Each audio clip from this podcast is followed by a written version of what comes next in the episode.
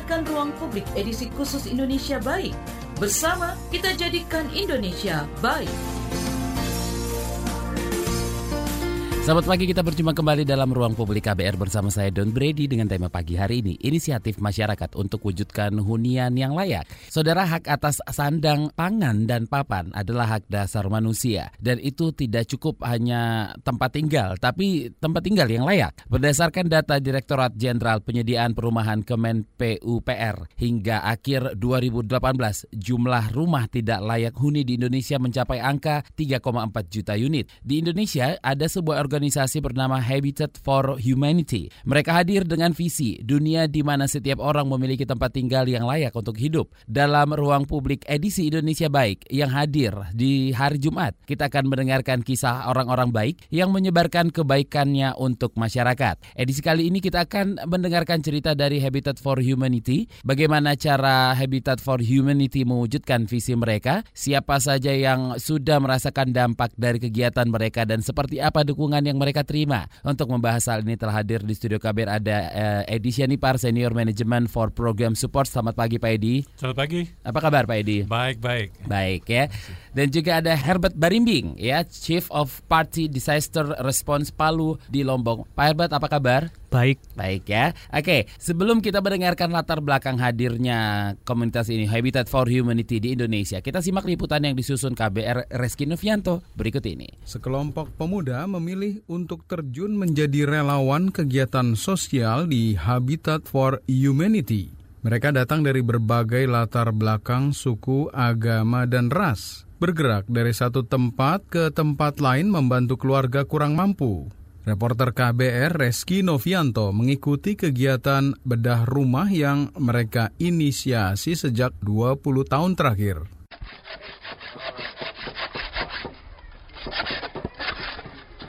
Siang itu sekelompok anak muda terlihat sibuk. Mereka ikut membangun rumah bagi keluarga kurang mampu. Rosalina Anindita salah satunya. Dara berusia 23 tahun ini memilih menjadi relawan di Habitat for Humanity, sebuah organisasi non-pemerintahan yang bergerak di bidang sosial. Bergabung pertama kali sebagai volunteer itu saya lakukan waktu tahun 2016, bulan Oktober. Itu pertama ada program antara Habitat for Humanity Indonesia bekerjasama dengan Habitat for Humanity Australia. Itu ada programnya namanya Rock the House bulan Oktober 2016 saya bergabung di Jogja di branch office Jogja kemudian uh, semenjak saat itu saya uh, setiap kali ada kegiatan habitat atau mungkin yang berkaitan dengan komunikasi atau itu fotografi atau apa pun yang bisa saya support saya bantu sejak saat itu. Rosa mengaku sudah hampir tiga tahun bergabung sebagai relawan. Salah satu kegiatan rutin adalah program bedah rumah gratis kepada warga yang kurang mampu. Salah satu warga yang mendapat bantuan ini adalah Aan, rumah wanita parubaya yang tinggal di desa Bojongkoneng, kecamatan Babakan Madang, Kabupaten Bogor ini tak bisa dibilang layak. Atapnya berlubang, berlantaikan tanah, serta tak memiliki kamar mandi. Rumahnya udah nggak layak huni, kalau hujan kehujanan katanya. Atapnya sama dinding-dindingnya, terus bawahnya juga dari ubin, kalau hujan bocor dari atas terus dari pinggir-pinggir suka banyak curut itu apa tuh kecoak sama nyamuk itu apalagi tikus. Terus ular dari atas waktu habis hujan. Tadinya kan rumahnya udah pada bolong-bolong gitu Sementara itu Arman Panto selaku koordinator hubungan korporat di Habitat for Humanity mengungkapkan pelibatan relawan untuk ikut berperan aktif dalam kegiatan sosial ini adalah inisiatif pribadi. Ya, kalau untuk sekolah itu beberapa sekolah di Jakarta dan di beberapa kota lain juga udah pernah melakukan hal yang sama. Mereka juga menyumbangkan rumah. Mereka benar-benar menyisihkan uang jajan mereka kemudian setelah terkumpul berapa lama pada akhirnya mereka bisa untuk membangun satu rumah. Jadi benar-benar tindakan nyata mereka uh, berkorban ya karena mereka uang jajannya jadi mereka nggak bisa pakai untuk membantu warga yang perlu dibantu Arman Pantau berharap kegiatan sosial bedah rumah yang melibatkan relawan sejak 22 tahun silam ini bisa terus berlanjut. Tentunya kata dia dengan melibatkan anak muda yang ikhlas bekerja tulus di samping juga donatur sebagai pemberi bantuan. Sebenarnya ada banyak cara untuk bisa bantu Habitat. Yang paling sederhana adalah advokasi, di mana kita membuat orang lebih sadar mengenai situasi yang kita hadapi sekarang sebagai sebuah bangsa di mana masih banyak orang yang tinggal di rumah tidak layak huni. Jumlahnya masih sangat tinggi. Ada data dari Kementerian PUPR bahwa ada 3,4 juta keluarga yang masih tinggal di rumah tidak layak huni di Indonesia. Itu tahun 2015. Nah, hal-hal semacam ini pun sebenarnya adalah hal sederhana yang bisa kita lakukan untuk memberitahu orang untuk kemudian bisa setidaknya mempunyai kesadaran kalau kemudian mereka merasa terpanggil untuk kemudian ikut membantu, kita bisa kemudian lakukan bagian kita bisa dengan cara berdonasi, baik itu waktu uh, dan tenaga, dan yang paling signifikan untuk bisa kita terima adalah dari segi pendanaan. Demikian saga KBR yang disusun Reski Novianto. Saya Fitri Anggreni.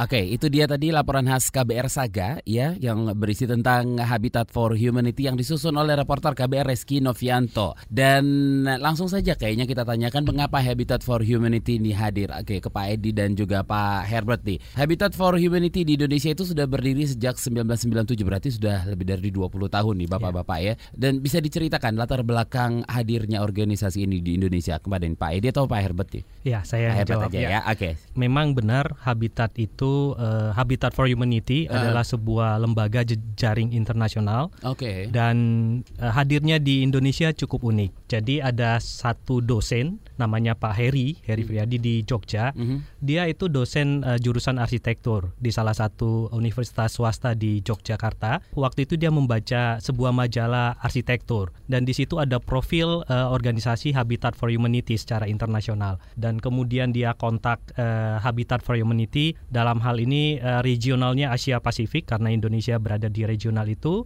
dan gayung bersambut. Jadi Habitat Regional Asia Pasifik uh, tertarik untuk juga bisa Eh, mengadakan uh, ya organisasi ini di Indonesia dan dikirim uh, orang yang untuk merintis uh, Habitat for Humanity Indonesia di Indonesia. Hmm. Nah, tetapi uh, memang secara badan hukum kita menjadi uh, lembaga nasional gitu. Jadi nama secara badan hukumnya itu Yayasan Habitat Kemanusiaan Indonesia. Yayasan Habitat Kemanusiaan Indonesia. Oke. Nah, visi Habitat for Humanity, Humanity ini adalah dunia di mana setiap orang memiliki tempat tinggal yang layak untuk hidup.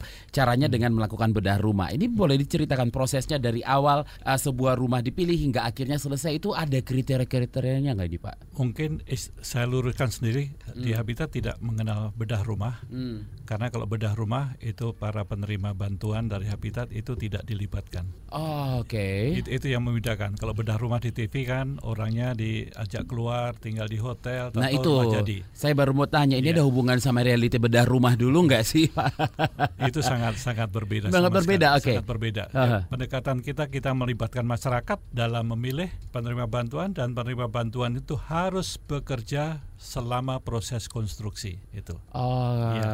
berarti ini melibatkan ya langsung. Melibatkan masyarakat. Oke, okay, oke. Okay. Ya. Nah, begitu um, sebuah rumah dipilih, itu ada kriterianya bagaimana Humanity for apa namanya Habitat for Humanity ini memilih rumah yang harus uh, bedah rumah tetap bisa pakai kata bedah rumah atau gimana ini Pak? Iya. Tetaplah uh, ya. Iya. Memang kita harus mau membenarkan rumahnya menjadi layak huni iya, seperti iya. itu ya. Uh, ya terminologi itu memang kita tidak menggunakan tetapi hmm. kembali kepada pertanyaan bagaimana proses kita apa namanya melakukan program di ya. Indonesia secara khusus sebelum kriteria keluarga yang kita bantu saya mungkin akan menceritakan menceritakan bagaimana kriteria memilih wilayah karena wilayah itu dulu ya, ya wilayah dulu okay. karena itu bagian yang uh, terpenting juga kita untuk memilih uh, keluarga yang kita bantu. Hmm. Nah, uh, memang karena sasaran kita adalah masyarakat berpenghasilan rendah, oleh karena itu wilayah yang kita pilih adalah di mana cukup banyak e, masyarakatnya yang berpenghasilan rendah atau masyarakat miskin. Itu yang pertama secara general. Kemudian yang kedua adalah kebutuhan rumah layak huni karena memang fokus organisasi kita adalah bagaimana supaya semua orang bisa memiliki rumah yang layak. Tentunya selain masyarakatnya miskin, kondisi rumah di daerah itu uh, yang tidak layak uh, banyak. Nah, dari mana kita tahu data-data itu? Ya, hmm. tentunya pertama kita melakukan survei assessment atau juga data-data sekunder yang bisa kita peroleh baik itu dari BPS ataupun dari pemerintah. Nah, setelah wilayah yang kita pilih, nah bagaimana kita memilih uh, keluarga yang kita bantu? Nah, yeah. memang ada beberapa kriteria selain yang tadi masih dia masyarakat miskin, kemudian rumahnya tidak layak. Terus yang sangat penting adalah mereka berada di tanah yang tidak uh, bermasalah. Hmm. Tidak harus sertifikat gitu karena memang kalau kita memilih atau menolong keluarga kalau tanahnya bermasalah, kemudian rumahnya sudah kita perbaiki, kita bangun ke depan bermasalah kan juga akan menimbulkan uh, dampak yang uh, lebih bahaya juga begitu. Jadi uh, yang ketiga adalah mereka berada di tanah yang tidak bermasalah gitu. Jadi terhindar dari dari penggusuran dan lain sebagainya. Nah, dalam proses pemilihan itu juga kita melibatkan pemerintah lokal apakah memang masyarakat ini butuh dibantu. Selain itu, selain pemerintah lokal juga masyarakat di sekitarnya. Karena misalnya kalau kita saat ini hanya mampu memperbaiki rumah katakanlah 25 rumah, sementara di di daerah itu kebutuhannya ada 100. Hmm. Bagaimana kita bisa menyeleksi yeah. yang yang prioritas gitu. Jadi salah satunya juga adalah melibatkan masyarakat itu sendiri. Kita terbuka. Kriterianya adalah ini, kalau misalnya ada dari calon penerima manfaat itu uh, tidak memenuhi standar itu, masyarakat boleh mengajukan komplain kepada Habitat. Kurang lebih seperti itu. Hmm, oke. Okay. Jadi dari saat proses dipilih hingga akhirnya rumahnya diperbaikin seperti itu ya ada hmm. banyak kriteria yang harus dilalui ya. Iya. Oke. Okay. Nah, ini um, melibatkan pemerintah daerah juga tentunya? Kalau sudah level pelaksanaan, kita melibatkan di pemerintah setempat. Iya. Ya. Mm. Apakah itu perangkat desa dan sebagainya dan saya menambahkan yang disampaikan Pak Hebet, kita membentuk panitia lokal. Mm. Panitia itu yang kita latih menyusun kriteria-kriteria orang yang mendapat bantuan, bagaimana memilih dan sebagainya. Setelah terpilih di diuji publik di tempat terbuka, ini kriterianya, ini calonnya, masyarakat bisa protes kalau misalnya ternyata ada calon yang sudah punya rumah di tempat lain. Ah. Dan itu nanti menghasilkan data yang terakhir, final. Hmm. Oke, setelah itu dengan warga yang terpilih itu ada kontrak istilahnya oh, ya? ya modal keringat sweat equity. Hmm. Jadi masyarakat selama proses konstruksi ada perjanjian mereka harus bekerja. Ini bedanya sama bedah rumah ya. Yeah. Mereka tidak tidur tidur tidur. Mereka bekerja, ah, tapi sebelum bekerja kita latih juga uh, tentang uh, basic construction training. Jadi teknik eh, teknik-teknik dasar untuk konstruksi. Dia membantu tukang dan sebagainya gitu. Oke, okay, ya. yang penting ada anggota dalam keluarga itu yang ikut bekerja. Harus. Gitu ya. Harus ya. Harus. Oke, okay. selain uh, memperbaiki rumah atau bedah rumah ada lagi kegiatan yang dilakukan, Pak?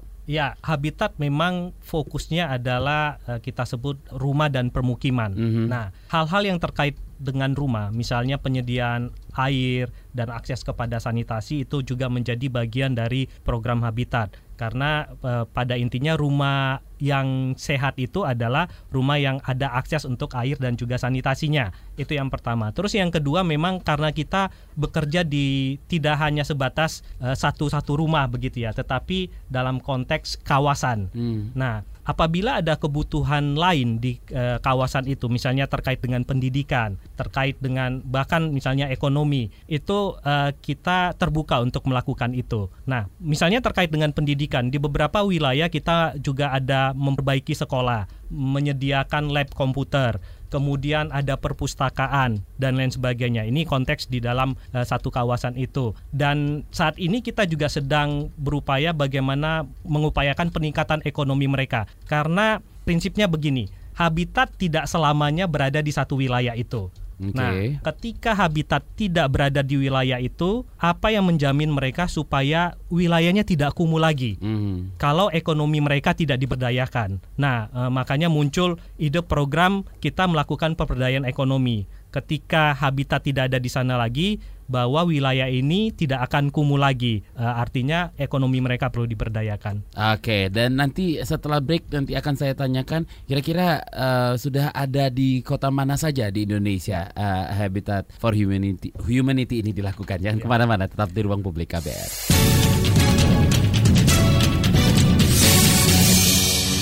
Anda masih mendengarkan Ruang Publik KBR bersama saya Don Brady dengan tema pagi hari ini inisiatif masyarakat untuk wujudkan hunian yang layak. Dalam Ruang Publik edisi Indonesia Baik yang hadir di hari Jumat, kita akan mendengarkan kisah orang-orang baik yang menyebarkan kebaikannya untuk masyarakat. Saya masih bersama Edi Sianipar, Senior Manager for Program Support dan juga Herbert Barimbing, Chief of Party Disaster Response Palu Lombok dari Habitat for Humanity Indonesia. Oke, Pak Edi dan juga Pak Herbert tadi sebelum break kita sudah menjelaskan apa latar belakang dan juga visi dari Habitat ini. Dan um, kegiatan Habitat ini pasti tersebar di seluruh Indonesia kan ya. Dan bisa dijelaskan saat ini sudah ada di mana saja ini kegiatan yang apa namanya membangun rumah di Indonesia yang sudah dilakukan. Ya, saat ini kita ada di beberapa tempat mulai dari kalau di Jawa itu mulai dari Cilegon, Serang, mm -hmm.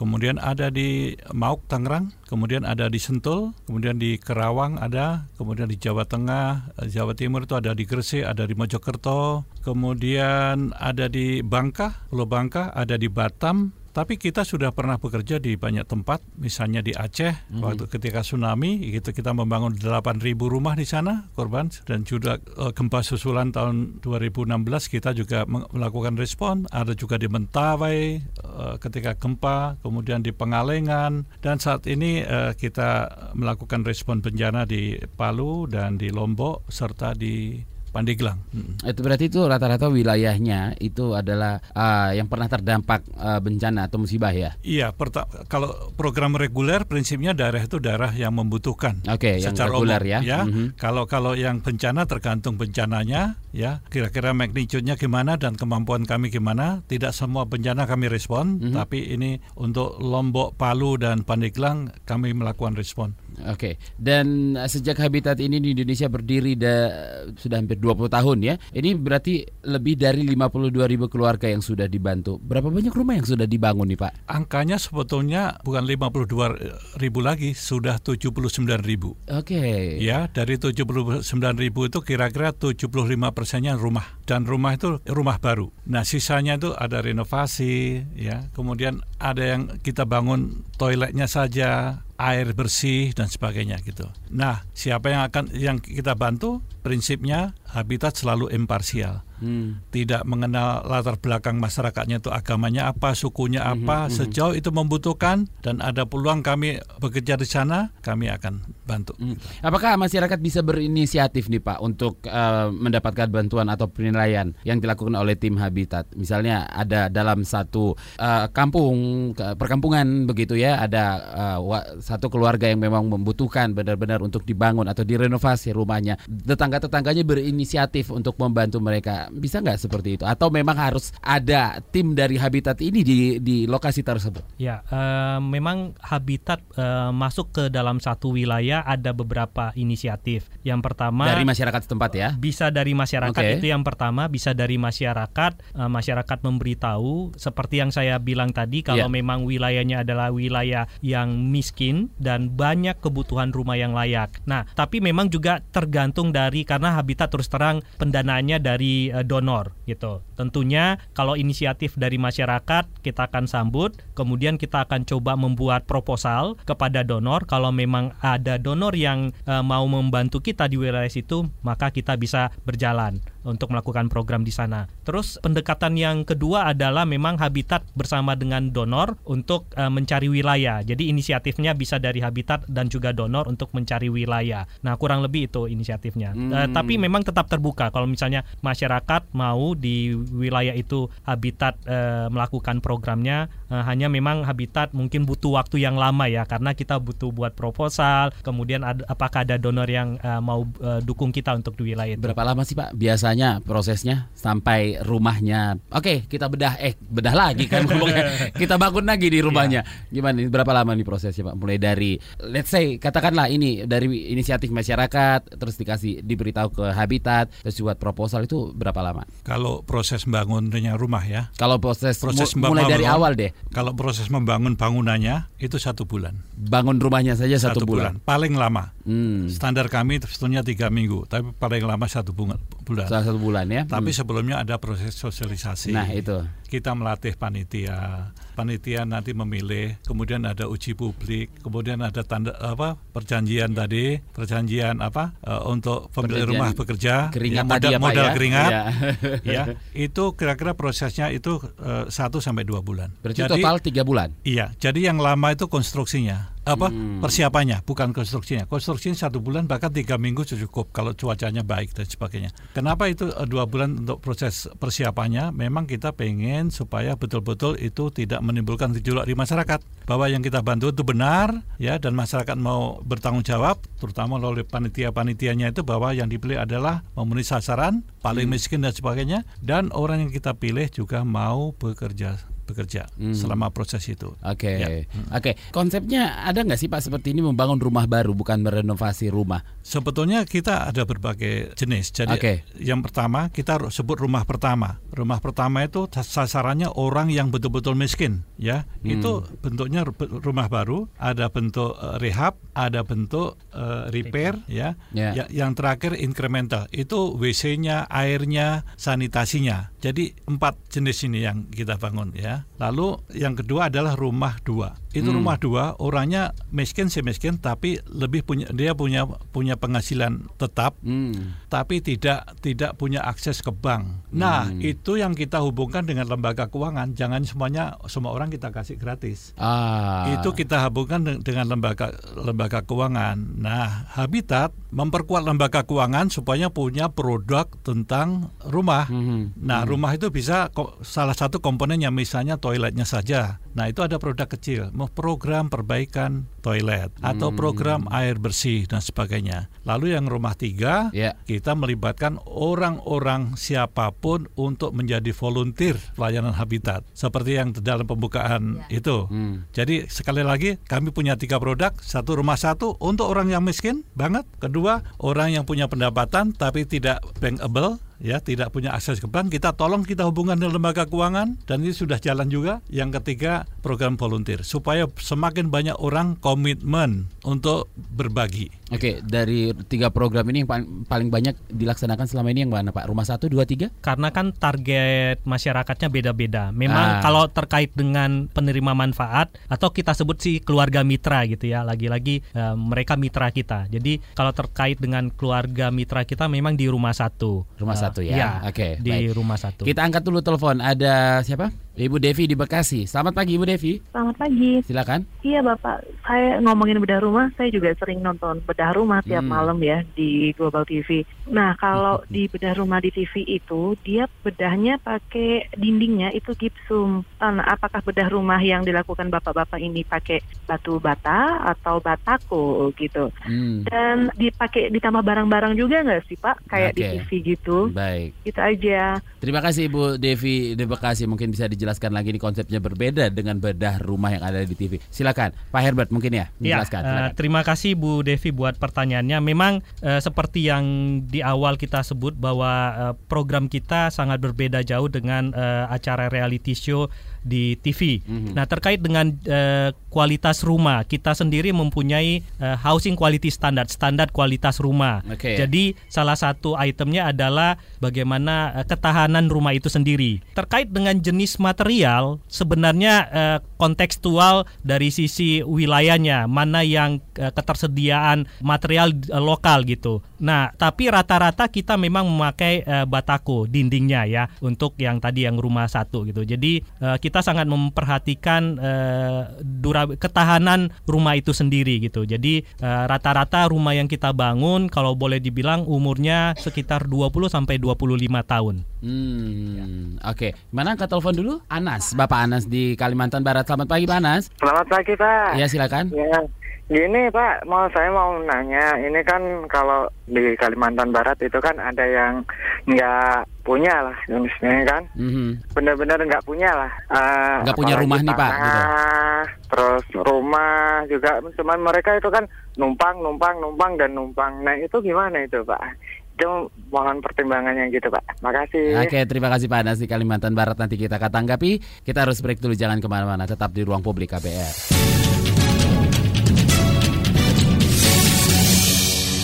Anda masih mendengarkan Ruang Publik KBR edisi Indonesia Baik yang hadir di setiap hari Jumat. Anda akan mendengarkan kisah orang-orang baik yang menyebarkan kebaikannya untuk masyarakat. Masih bersama saya Don Brady, telah di uh, dua narasumber saya dari Habitat for Humanity Indonesia, edisi ini para Senior Manager for Program Supports dan juga Herbert Barimbing, Chief of Party Disaster Response Palu Lombok. Pak Edi, Pak Herbert, sebelum kita jawab telepon yang tadi dari Kalimantan Barat, ini dari ada Pak Arif di Sintang. Pak Arif, selamat pagi.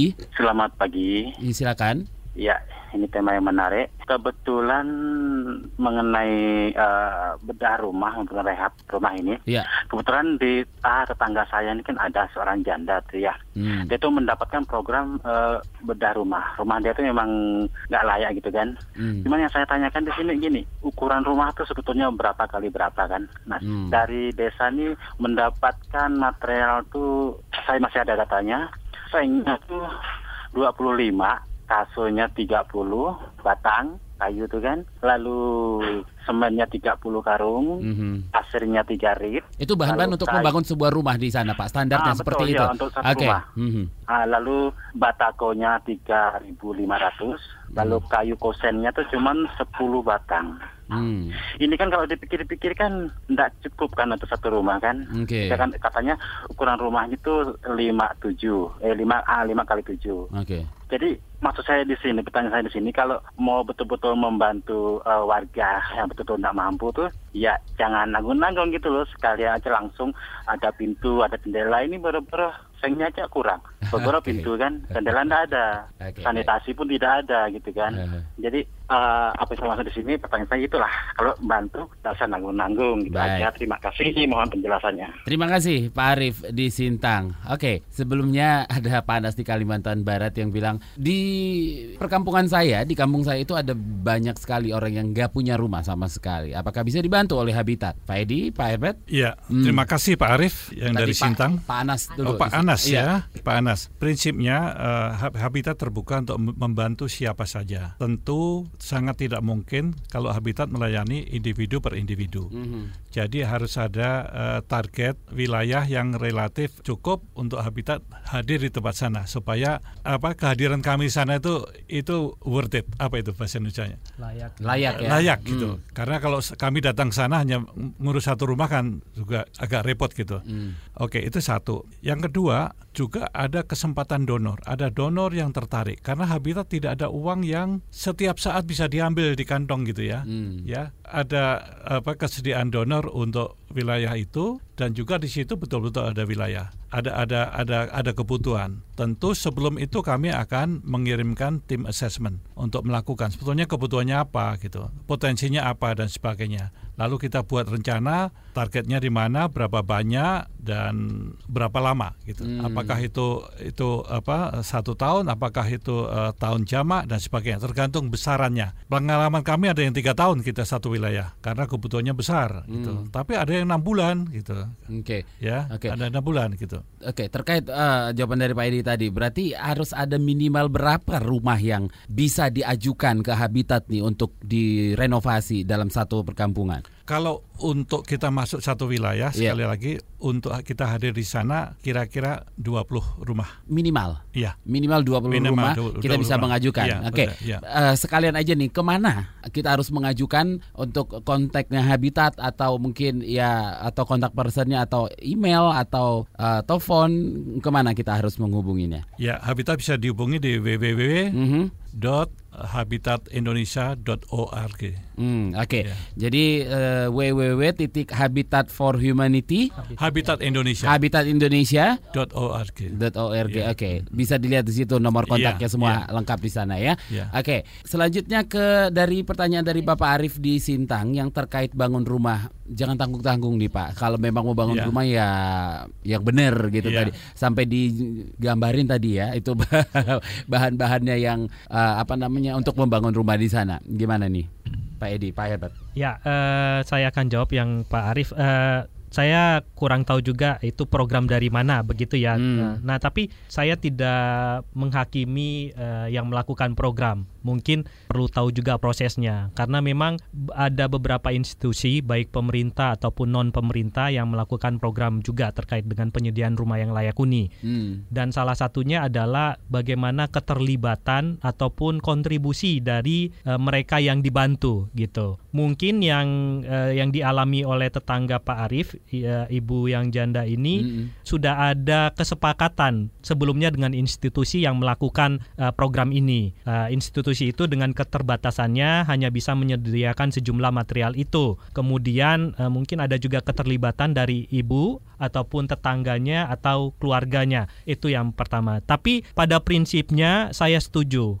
ketika kita membantu tidak tanggung-tanggung memang harus layak juga rumahnya tidak menimbulkan uh, masalah ke depan juga lagi tapi yang kedua adalah uh, pengalaman kita juga habitat bahwa masyarakat semiskin apa pun mereka berdaya. Masyarakat se ya maksudnya setidak berdaya apa pun di di mata orang awam tetapi mereka punya potensi untuk bersama-sama bangkit kembali gitu. Jadi prinsipnya selalu melibatkan mereka. Jangan kita menjadi superhero di hadapan mereka, mereka hanya terima mm-hmm. tetapi libatkan mereka dengan kontribusi yang mereka bisa lakukan. Mm-hmm. Jadi saya setuju kita tidak tanggung-tanggung untuk uh, membantu tetapi kita juga memposisikan mereka sebagai subjek. Mereka juga pelaku untuk bisa bangkit kembali kurang hmm, lebih. Oke, okay. baik. Eh, tadi se saya tertarik dengan penjelasan Pak Edi juga mulai dari assessment juga hmm. sampai hingga uh, pembangunan rumah itu memang membutuhkan waktu yang gak sedikit lama.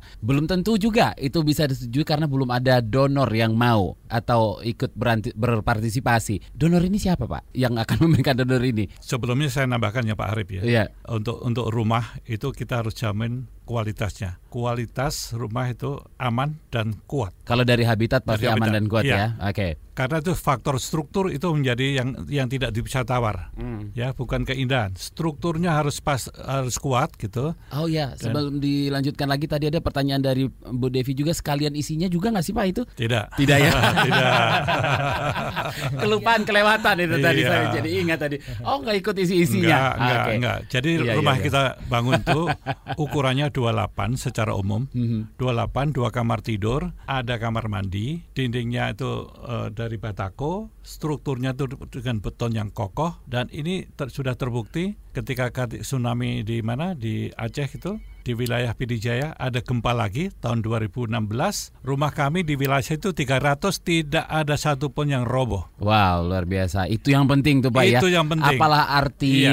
isi isi rumahnya iya. itu ya pak ya. Kalau rumahnya juga ikut ambruk gitu iya. ya. Jadi jadi bagi kami ke keindahan keindahan itu nomor dua dulu. Tapi kekokohan struktur Aha. kemudian aman bahannya apa awet dan sebagainya. Itu yang yang kami jamin gitu ya. Hmm Mungkin tidak semua di plester, hanya depannya saja. Nanti ke dalamnya warga ketika ada rezeki bisa memplester. Supaya hmm. apa? Supaya banyak orang mendapat rumah yang layak huni. Soal keindahan nanti kalau ada rezeki lah gitu ya. Gitu. Hmm. Itu bisa Oke, ini sudah ada beberapa WhatsApp yang masuk dan pertanyaan saya soal donor tadi belum dijawab oh, iya. juga.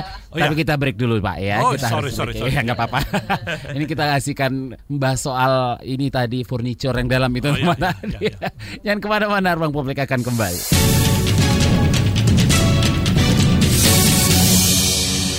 Kita sudah di segmen terakhir Ruang Publik KBR edisi Indonesia Baik yang hadir setiap hari Jumat. Anda akan mendengarkan kisah orang-orang baik yang menyebarkan kebaikannya untuk masyarakat. Masih bersama saya Don Brady dan kedua narasumber saya dari Habitat for Humanity Indonesia, edisi Anipar, Senior Manager for Program Supports, dan Herbert Barimbing, Chief of Party Disaster Response Palu Lombok. Oke, tadi sebelum break saya nanyanya ini si donornya ini dari mana dan siapa ini Pak? Iya. Hmm. Di awal tadi sempat kami jelaskan bahwa Habitat itu merupakan kemitraan internasional. Hmm. Kita bekerja di 70 negara. Tetapi khusus Indonesia 90 90% danarnya donornya dananya itu dari dalam negeri. Hmm. Karena apa? Karena kita sudah banyak potensi sebetulnya, tapi mereka pengen menyalurkan kepada lembaga yang dipercaya dan syukur kita dipercaya oleh lembaga-lembaga donor itu donor dalam bentuk dari perusahaan melalui program CSR-nya yeah. juga dari sekolah, dari individu dan dari lembaga-lembaga. Hmm. Itu itu 90% dari dalam negeri. Dari luar itu sekitar 10% saja. Hmm. Ya. Jadi percaya masih banyak banget ini orang-orang baik di Indonesia betul, ya Pak ya. Betul, betul. Hmm. Ya. Yang penting kita menjaga kepercayaan karena hmm. modal habitat bukan dana dari dulu. Modalnya adalah kepercayaan dan itu yang kami jaga. Hmm. Justru itu kami hidup gitu. Hmm. Ya. Luar biasa. Kita bacain dulu WhatsApp yang sudah masuk dari Dewi di Padang. Saya sangat dukung gerakan-gerakan kemanusiaan semacam ini. Tapi walau sudah sangat lama ada, saya baru dengar. Apakah di Padang sudah ada program ini? Gimana Pak? Untuk program reguler itu di Padang belum ada. Hmm. Tapi ketika bencana kami membangun banyak rumah di sana hmm. sampai di Mentawai. Oh, yeah. oke. Okay. Bagaimana dengan uh, Ibu Dewi ini baru mendengarkan? Apakah selama ini memang tidak ada uh, tidak pengen di, di di di blow up seperti itu Pak berita tentang dari habitat ini? Ya, uh, itu menjadi salah satu evaluasi kita hmm. ya untuk terkait dengan uh, kita kurang begitu dikenal di masyarakat yeah. Ya. uh, pada umumnya gitu.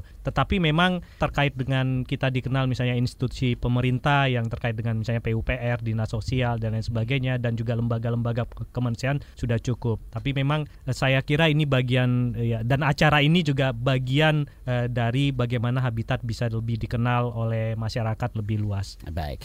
Dari Mardi di Lampung apa boleh kita mengusulkan diri untuk ikut bedah rumah untuk diri sendiri? Hmm, gimana nih Pak? Seperti yang kita jelaskan yeah. tadi, eh, memang habitat ya kita memikirkan efektivitas di dalam menjalankan program. Jadi kalau satu-satu mm-hmm. uh, itu kita cukup berat untuk melakukannya. Plus memang tergantung uh, ada donor. Jadi memang uh, cara kerja kita adalah di satu wilayah, cakupan wilayah. Selain efektivitas melakukan program, Betul. tetapi juga dampak gitu. Yeah. Jadi kalau satu-satu-satu itu dampaknya kurang. Mm-hmm. Jadi tapi pada prinsipnya tadi kalau ada masyarakat mau di wilayahnya kita mau melakukan program silakan mengajukan dan tentunya kita juga juga akan cari uh, donor untuk bisa melakukan program di sana. Oke, dari Tika di Semarang, apakah Habitat bangun sekolah juga? Karena kan banyak banget berita sekolah-sekolah yang tidak layak. Tadi sempat kita singgung juga di awal ya. Bangun juga nih Pak? Iya, hmm. uh, tapi pada prinsipnya gini, Habitat fokusnya kan rumah. Jadi pintu masuk program itu adalah rumah. Hmm. Jadi kalau di dalam satu wilayah yang baru, yang ada juga programnya, itu awalnya memang karena Habitat melakukan uh, program rumah dulu. Ya. Gitu. Kemudian ada kebutuhan uh, uh, sekolah uh, kita baru intervensi. Jadi kalau untuk di wilayah baru uh, sangat jarang sekali kita uh, langsung mulainya dengan sekolah gitu. Oke, okay. dari Linda di Jambi, ketika pemerintah belum mampu memenuhi kebutuhan masyarakat, inisiatif inisiatif masyarakat seperti ini harus didorong. Tapi ya kadang inisiatif baik sering dicurigai punya maksud tersembunyi. Banyak nggak sih Pak uh, uh, apa namanya hal-hal yang seperti ini dialami oleh dari Habitat? Habitat sekali lagi dalam dalam melakukan program selalu diawali dengan assessment. Hmm. Assessment itu melihat tentang masalah dan kebutuhan di situ yeah. dan kami membangun jejaring dengan masyarakat dan kami membentuk panitia-panitia ya semuanya transparan. Hmm. Jadi dengan dengan cara begitu curiga curiga nggak ada. Sampai tadi kan dikenal untuk milih uh, warga yang mendapat bantuan itu harus uji publik, okay. ya toh. Mm-hmm. Dan itu masyarakat yang bisa protes. Yeah. Nah, yang kayak kayak gitu bisa menghindari kecurigaan-kecurigaan nggak perlu. Oke, okay. selanjutnya dari uh, Sinta di Malang. Kegiatan yang bagus harus didukung. Baik, terima kasih Ibu Sinta di Malang. Oke. Pak Edi dan juga Pak Herbert. Habitat Indonesia ini kan merupakan bagian dari Habitat for Humanity yang tersebar di banyak negara ya. Bagaimana persoalan soal hunian layak di negara lain termasuk negara tetangga Indonesia sama atau dengan Indonesia? Kita kalau di di Asia yang terbesar itu India. Karena kebutuhan-kebutuhan rumah yang layak huni bukan bukan jutaan lagi, mungkin ratusan juta gitu. Okay. Dan masalah hunian sekali lagi bukan hanya rumah, tapi juga masalah sanitasi. Mm. Nah, kebutuhannya sangat besar sekali bahkan di Filipina juga kebutuhan rumah, di Kamboja kebutuhan rumah masih masih sangat besar. Hmm. Jadi banyak PR lah di Asia yang harus kita lakukan. Asia ya Pak ya. ya. Hmm. Oke, dan um, terkait merenovasi rumah ini tadi juga kita sempat singgung banyak juga melakukan renovasi rumah di wilayah terdampak bencana. Nah, apakah pendekatan bencana untuk pembangunan rumah di daerah bencana ini seperti konsep rumah tahan gempa juga nggak sih Pak? Pertanyaan itu terkait juga dengan fungsi saya saat ini. Mm -hmm. Saya menjalankan atau bertanggung jawab pada program program uh, kebencanaan di Lombok dan Palu. Yeah. Nah, uh, memang dalam konteks reguler juga kita punya standar kualitas rumah dan itu kita sebut uh, ramah terhadap gempa gitu. Uh, definisi kita ramah terhadap gempa itu adalah ketika terjadi gempa, keluarga yang ada di dalam rumah itu punya kesempatan untuk uh, menyelamatkan diri gitu. Nah, kita memenuhi semua standar nasional uh, yang uh, telah diterbitkan oleh pemerintah. Jadi, rumah yang kita bangun itu memenuhi standar nasional. Jadi, termasuk kekuatannya. Oke. Dan bagaimana dengan tantangan nih, Pak? Tantangan apa yang mungkin pernah dihadapi tim Habitat dalam melakukan kerja-kerjanya? Kalau bicara tantangan, utamanya untuk habitat saat ini belum belum eh, banyak yang dilakukan di perkotaan. Yang kita lakukan itu masih mayoritas di pedesaan. Nah, iya tadi nggak ada disebutin ya. Jakarta gitu iya, ya, Pak ya? Jakarta. ya. Karena hmm. sekali lagi masalah masalah di, di perkotaan itu adalah masalah tanah di mana tanah itu menjadi bagian besar dari struktur biayanya gitu.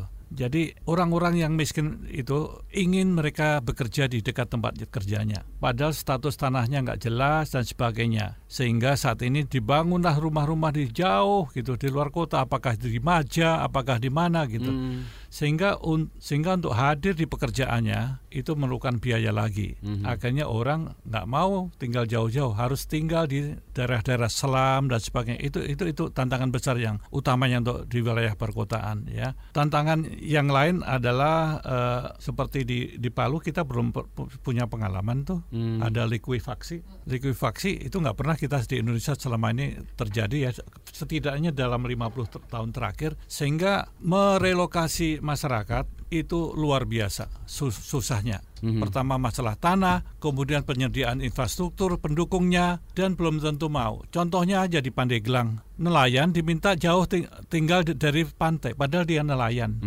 Iya kan? Bagaimana okay. kita bisa menyediakan rumah gitu bagi mereka gitu. Oke, okay, gitu. baik. Mungkin singkat saja Pak Pak Herbert ada yang mau disampaikan? Iya, uh, terkait tantangan iya. atau ya, iya, terkait uh, tantangan. Terkait dengan tantangan uh, rumah itu kan harganya cukup besar. Jadi mahal. Mahal. Oke. Okay. Nah, dibandingkan misalnya uh, institusi yang bergerak di pendidikan, kesehatan dan lain sebagainya. Saya ambil contoh misalnya satu rumah kita 30 sampai 42 juta. Hmm. Hanya bisa untuk bangun satu rumah. Tetapi dengan pendidikan ataupun kesehatan itu bisa menjangkau banyak orang. Jadi kita agak sulit juga untuk mendapatkan dana khususnya corporate untuk dengan dana yang cukup besar satu unit. Baik. Buat Anda yang ingin mencari tahu tentang informasi lebih lanjut lagi soal habitat ini silakan berkunjung di www.habitatindonesia.org. Pak Idi, Pak Herbert, terima kasih atas waktunya. Nanti lain kali kita ngobrol ngobrol lagi ya. Sudah habis di waktunya Pak. Ya, Terima kasih. Ya, saya udah berani pamit. Salam.